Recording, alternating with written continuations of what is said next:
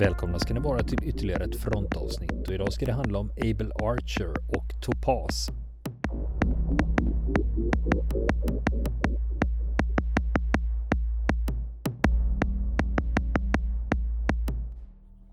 Ja du Niklas, nu är vi tillbaka på Able Archer och eh, Topaz. Just det, just det.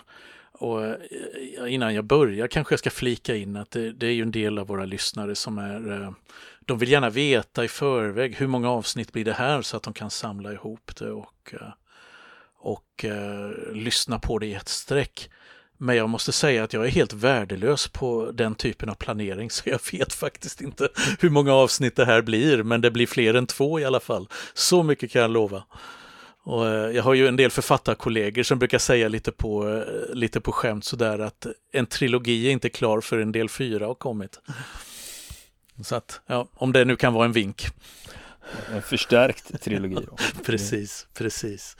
Eh, jag vill prata om to Agent Topaz och eh, det var ju så att det var 1979 som han fick sitt nya tecknamn av sina uppdragsgivare i Östberlin, just Topaz.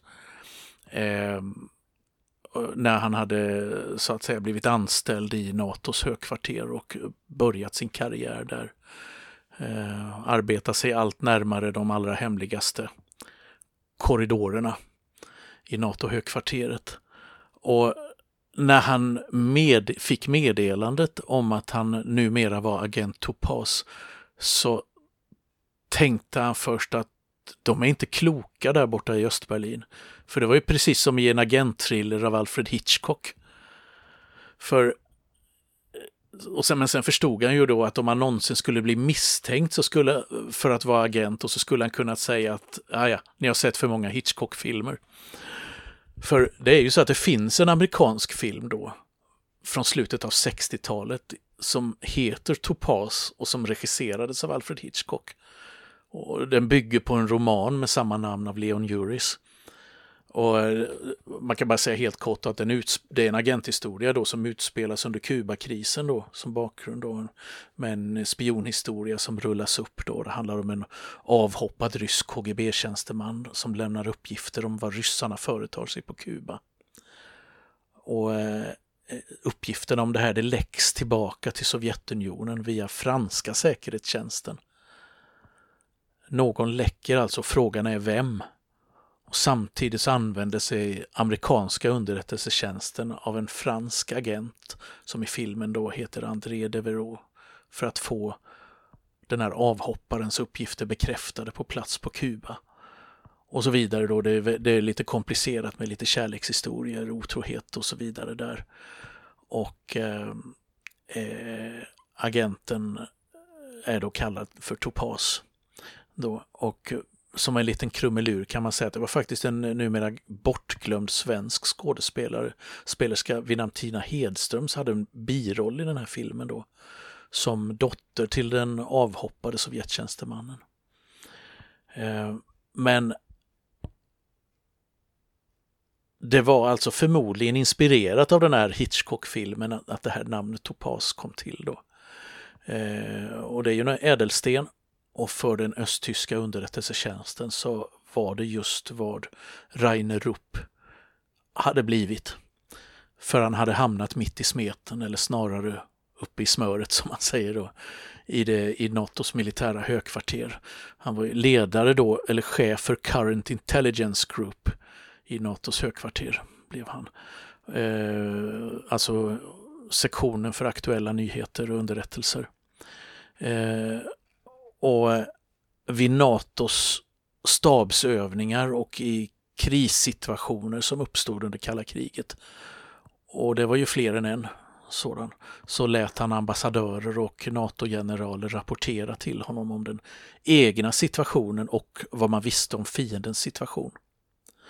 Och det här var ju värdefull information för en agent, liksom att eh, kunna rapportera vad fienden visste om hans uppdragsgivare och läget hos dem. Alltså hur ser underrättelsehorisonten ut? Och eh, på kvällarna så, så eh, spelade han ofta in muntliga rapporter då på band och överförde dem senare då med en speciell skifferapparat via en telefonkiosk till Östberlin. Och eh, ja, för de som inte kommer ihåg telefonkiosker som är lite för unga för att ha upplevt sådana så var det allmänna telefoner som var utplacerade lite överallt på stan. Och eh, ringde man en fr från en sån så gick det ju inte spåra vem avsändaren var. Ehm, för ja, det enda man visste var vilken telefonkiosk som hade använts och ringa ifrån. Om det var, om det var hot eller någonting annat man framförde. Eller som i det här fallet då att det var spionrapporter. Och han fotograferade hemliga dokument med hjälp av en mikrokamera. Han skickade också andra meddelanden med hjälp av osynlig eller kodad skrift. Och att han använde så här många olika metoder och han varierade mellan dem hela tiden då på ett oförutsägbart sätt. Det var och det berodde på då att han, liksom alla de här klassiska metoderna om man kan läsa om i vilken spionroman eh, som helst då. Eh, det var just att han, han förklarat med att man måste variera sig för att inte underlätta för motparten att upptäcka dig. Så därför försökte ja, han vara... Sen, sen, sen, kan det också vara en annan sak just när man pratar om de här olika metoderna som dyker upp i spionromaner. Det beror ju också på att eh, dels att de har använts och dels att de även fungerar. Exakt. Det, det, gör ju det och ibland så är det säkert så att ja, ingen är väl så dum att de försöker använda hemlig skrift idag. Och så tänker man, eller alltså osynligt bläck idag, och så tänker man kanske inte på att ja men då kanske det är just därför man ska använda det. För att ingen tror man ska göra det. Uh... Fast idag har vi en helt annan, eh, med teknologin idag, eh, kommunikationsteknologin, så det har vi förändrat allting. På många nästan. sätt, ja. Precis, precis. Och då kan man ju undra vad var det egentligen han skickade till eh, Östberlin på andra sidan järnridån. Och ja, enligt egen uppgift då från Reinerup så handlar det om allt från eh, rapporter om eh, öst-väst-politik eh, via NATO-länders rustningsplanering ända ner till detaljer som eh, stationering av trupper, beväpning etc.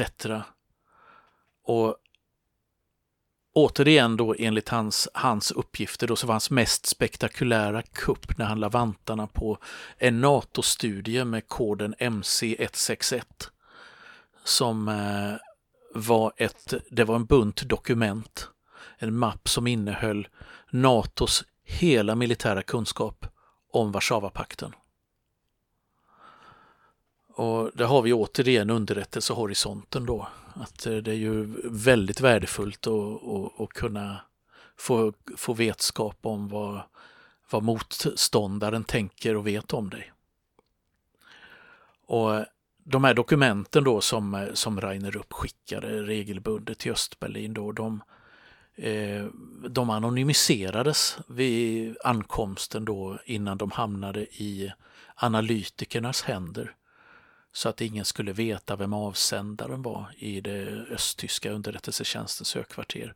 Allt för att ja, hindra att eh, någon överlöpare skulle läcka hans namn eller identitet till, till eh, NATO-sidan då. Och eh, Dokumenten översattes regelbundet och från engelska till tyska så att eh, alla kunde läsa dem då. Och var, de, e-, var det extra värdefulla dokument så översattes de också till ryska. Och då skickades de med en kur, särskild kurir som ofta var en hög chef i östtyska underrättelsetjänsten till Moskva där de överlämnades personligen till eh, KGB eller GRU.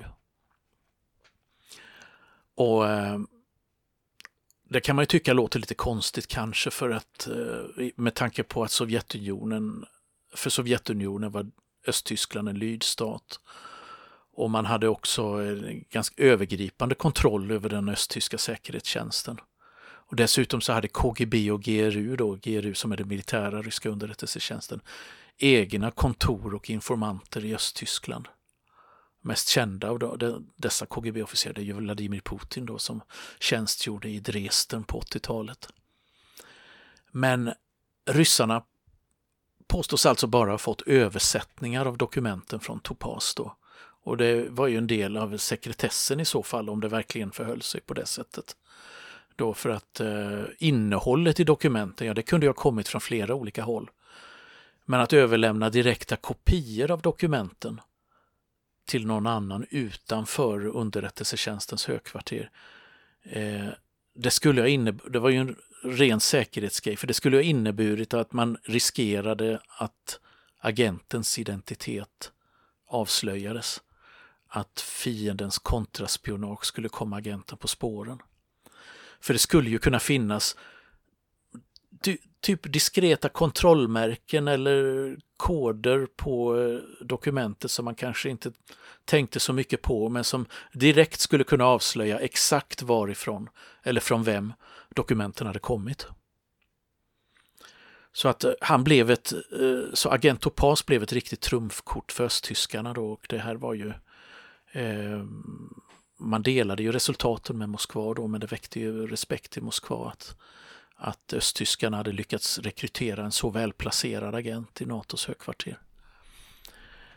Sen har, vi, sen har vi en annan aspekt också av det här utöver bara att eh, inte vara för uppenbar var, de, var det här har läckt ifrån. För det, det, finns ju en sån fälla som går att gillra när man läcker olika, när man misstänker att man har en läcka i sin organisation. Så eh, delar man ut olika typer av information till olika personer och sen ser man vad som dyker upp från fiendesidan. Just det, just det. Precis, precis. Och eh, så att det var ju, det, det var ju alltså OPSEC eller vad man nu ska kalla det då, att man, man, man håller alltså inhämtningen och källor så hemliga som möjligt för att inte, för att inte riskera Eh, för att inte äventyra underrättelseinhämtningen. Då. Eh, 1978 för övrigt, innan han blev agent Topaz då, så hade man tillfälligt brutit kontakten med honom under en period från Östberlins sida. Och eh, det berodde på en händelse i Stockholm. Det var nämligen så att det året, i augusti 1978, så var en man från Östtyskland på besök i Stockholm. Han blev där fotograferad av svenska säkerhetspolisen som hade eh, fått, hade en agent eller eh, uppgiftslämnare på östtyska ambassaden. Och eh, man hade då fått reda på att det skulle komma en hög gäst från Östberlin på ett besök svenska huvudstaden då. Eh, hans identitet var doktor Werner. Men ingen visste då vem han var egentligen då. Man, man fotade honom då på flera platser i Stockholm när han, när han eh, bland annat eh, träffade en representant från, ja, eh, en politiker från Västtyskland. Eh, och det tog alltså flera månader innan han blev identifierad. Och det skedde med hjälp av en avhoppad Stasi-officer som heter Werner Stiller som förhördes av den västtyska underrättelsetjänsten. Då fick man reda på att mannen på bilden var han som beskrivits då dittills som mannen utan ansikte. Chefen för den östtyska utrikesspionaget Marcus Wolf. Så att Senare så publicerades de här bilderna i Der Spiegel något år senare och släpptes över hela världen så helt plötsligt så hade ju mannen utan ansikte tappat, tappat ansiktet så att säga. Och eh, DDR försökte dementera det här då genom att sprida ett, eh, sprida ett falskt rykte om att nej, nej, det är inte Marcus Wolf, det är hans bror, filmregissören Konrad Wolf, som, eh, som var på besök i Stockholm. Men eh, de, de, här bilderna då som eh, ja, de går att hitta överallt på nätet idag, det var ju en, eh, en kan man säga, ett skop när de lyckades avslöja hur han faktiskt såg ut. Den östtyske underrättelsechefen vid den här tiden. Um, och den här um, avslöjandet ledde till att man, ja, det blev ett, man slog larm internt inom den, det östtyska underrättelse eh, utrikesspionaget då och därför att man var oroad för att eh, de egna agenternas alltså och spionernas säkerhet var hotad. Och så att därför fick de ligga lågt ett tag men snart var verksamheten igång igen. Efter ett tag när man, när man liksom kunnat blåsa faran över. Mm, så det var inte bara Topaz som drabbades av det här? Utan Nej, precis. precis. Det var alla? Det var typ alla, verkade som. Och eh, Rupp, han var inte bara välplacerad utan han hade också rykte om sig att vara en väldigt kreativ problemlösare när det gäller att skaffa fram vital information till sina uppdragsgivare då i, i Östberlin. Och, och kommer vi fram till det ödesdigra året 1983, alltså då Abel Archer inträffade. Och det där var ett år då det var synnerligen spänt i det kalla kriget. Och det började redan i början av året då, 1983 då när Stjärnornas krig startade. Kommer du ihåg Stjärnornas krig? Ja, nu talar jag inte om Luke Skywalker utan... Nej, utan det var ju Reagan-administrationen som lanserade det här att man skulle bygga upp ett försvar i rymden så att man kunde skjuta ner ryska, eh, ryska kärnvapenstridsspetsar. Just det. Just det, alltså det var ju precis, alltså det, det, i början av 1983 så tillkännagav Reagan då SDI då, Strategic Defense Initiative. Och det var det som populärt då kom att kallas för, för Star programmet då, att slå ut i ryssarnas interkontinentala kärnvapenrobotar i flykten. Och det, låter ju, det lät lite redan på den tiden då som science fiction då, ungefär som att träffa en gevärskula med en annan gevärskula ungefär och vad det skulle innebära för tekniska utmaningar.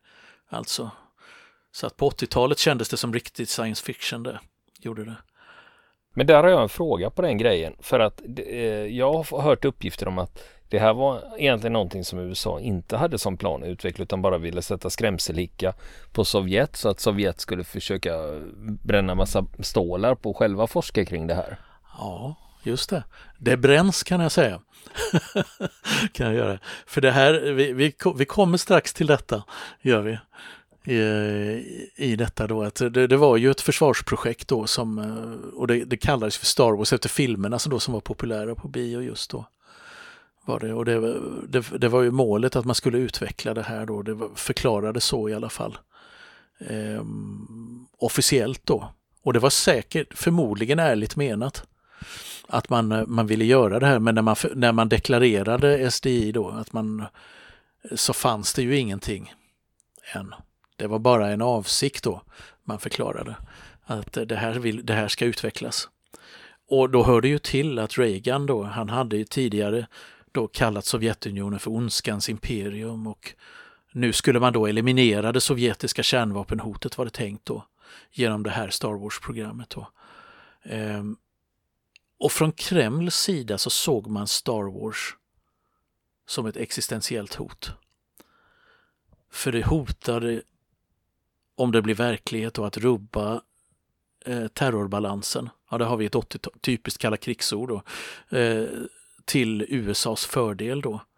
För eh, i Kreml trodde man att eh, de amerikanska medeldistansrobotar eh, Pershing 2 då, som skulle placeras ut i Västeuropa som en del av eh, moderniseringen av eh, NATOs kärnvapenstyrkor skulle kunna användas för ett överraskningsangrepp med kärnvapen mot Sovjetunionen. Samtidigt som då det här eh, Star Wars-systemet skulle kunna förhindra att ryssarna slog tillbaka med kärnvapen. Så där var ju därav ryssarnas stora oro då inför detta då. Och vid den här tidpunkten 83 så höll eh, NATOs biträdande generalsekreterare för försvarsunderstöd, Assistant Secretary General for Defense Support, på att bilda en arbetsgrupp för att samordna utvecklingen av SDI, Star Wars då i samarbete med andra NATO-länder. Och det här var bingo för östtyskarna. För Rainer Rupp, som då var en ekonomisk och strategisk expert i den politiska avdelningen i NATO-högkvarteret, skulle ingå i den här arbetsgruppen. Och därmed så kom han alltså att få insyn i en av de största militära hemligheterna på västsidan på 1980-talet. Utåt sett, åtminstone då, så visade han till en början ganska svalt intresse då för det nya uppdraget. Men han var som alltid då, gav han ett samvetsgrant intryck och eh, bad om att få resa till Washington DC för att under ett par veckors tid kunna prata med de viktigaste experterna då på området. Så att han, när han då sen hade skaffat sig all den här informationen då, skulle kunna bättre uppfylla den här arbetsgruppens förväntningar på honom. Det var i alla fall så han la fram det då för sina chefer.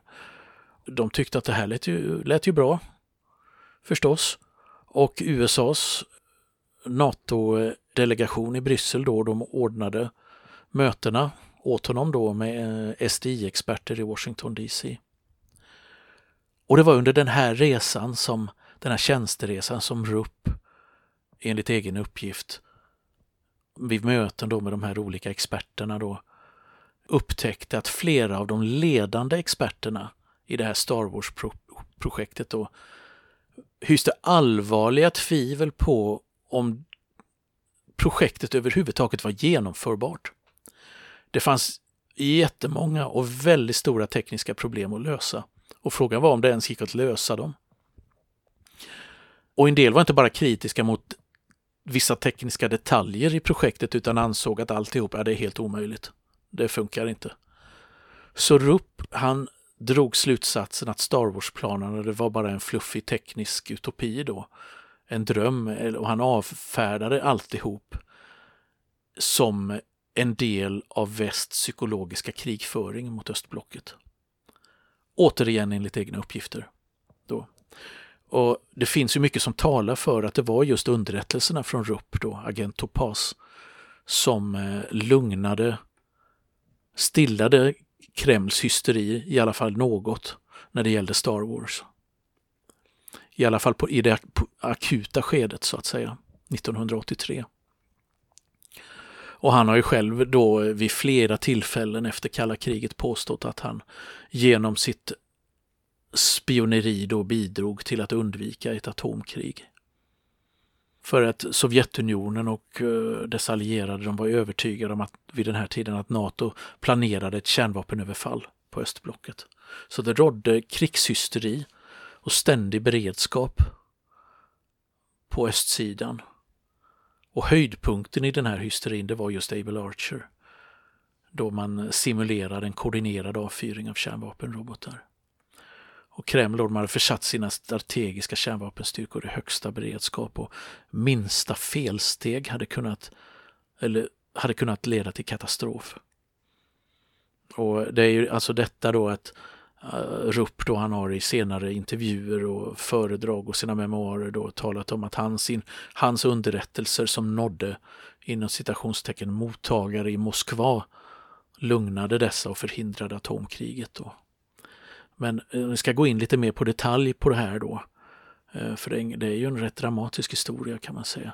Så att om det kalla kriget plötsligt hade blivit hett mellan NATO och Warszawapakten så skulle det förmodligen ha lett till användningen av kärnvapen förr eller senare. Det var många som, eh, som såg det på det sättet på, på bägge sidor. Då. Och det, även Rainer Rupp där han sni, diskret snokade runt i NATO-högkvarteret för han kände ju till hela eller delar av NATOs krigsplanering, det vill säga det allra hemligaste.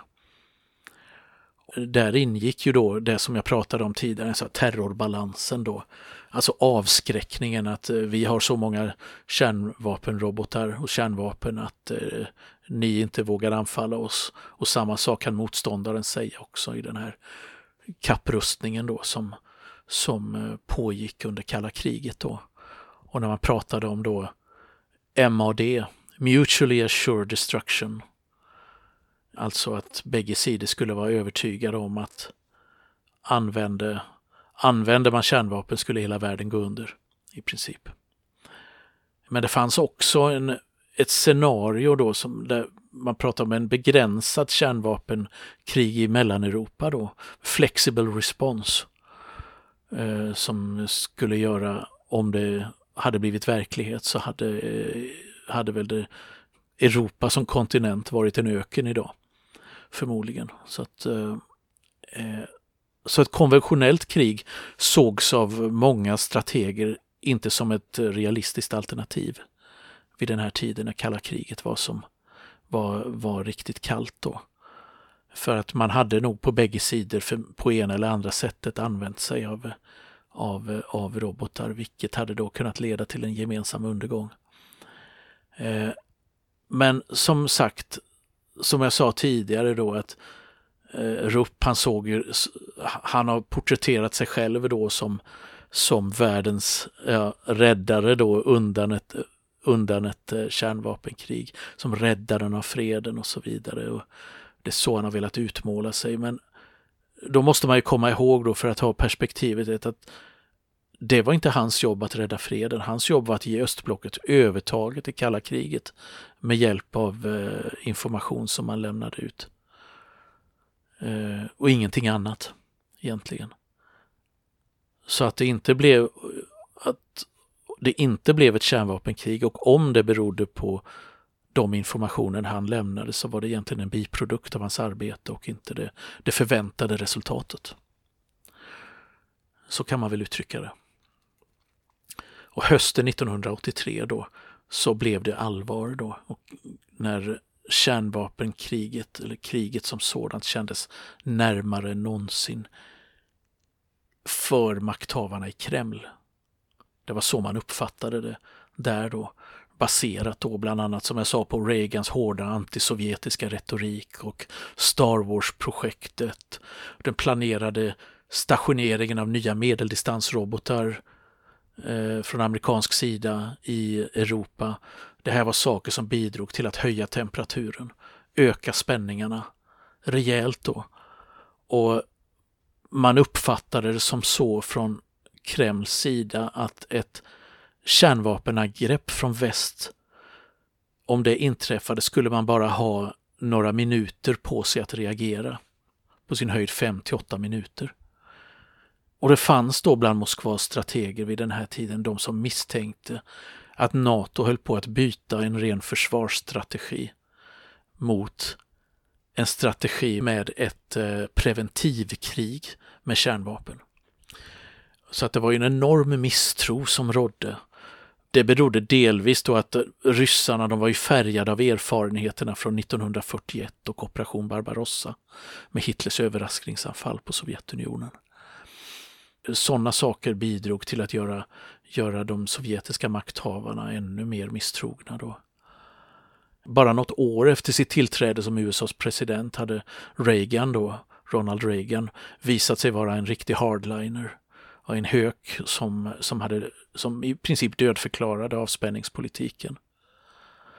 Hösten 83 så inträffar ju flera saker då som, som staplade på varandra gör att det var en riktig bottennotering då i, eh, i relationerna mellan öst och väst. Ett par månader före Abel Archer, alltså i september 1983, så hade sovjetiskt luftvärn skjutit ner ett sydkoreanskt passagerarplan, en Boeing 747 då, med luftvärnsrobot, eftersom man ansåg att planet hade gjort ett intrång på sovjetiskt luftrum. Eh, det var på väg från New York till Seoul men eh, navigerade fel då, hamnade på Sovjet, i sovjetiskt luftrum. Blev nedskjutet, kraschade i havet och alla 269 ombordvarande passagerare och besättning omkom.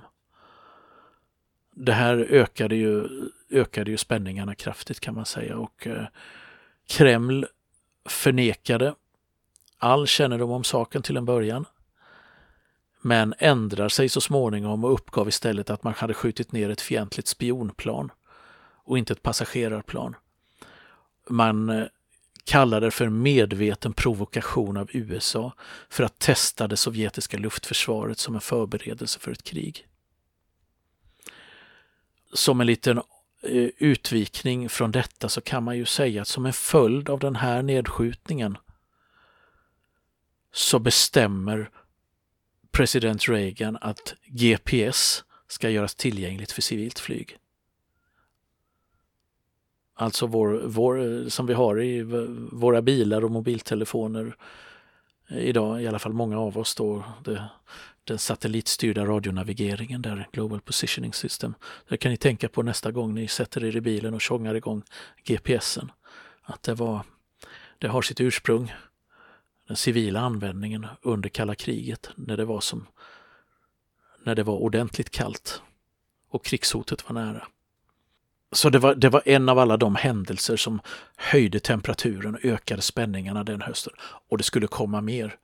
Det skulle hända någonting på andra sidan jordklotet på en liten ö inte så långt från USA som i sammanhanget kan tyckas vara rejält betydelsefullt, eh, betydelselöst men som i det stora hela kom att öka oron bland makthavarna i Kreml som en upptakt till just Abel Archer och vad det är och fortsättningen på detta då, det får vi höra mer om i nästa avsnitt. Vill ni komma i kontakt med oss så kan ni göra det via vår Facebook-sida som heter Fronten. Det är inga problem för er att leta er fram där. Eller också så mejlar ni på vår mejladress och det är frontenpodcast.gmail.com.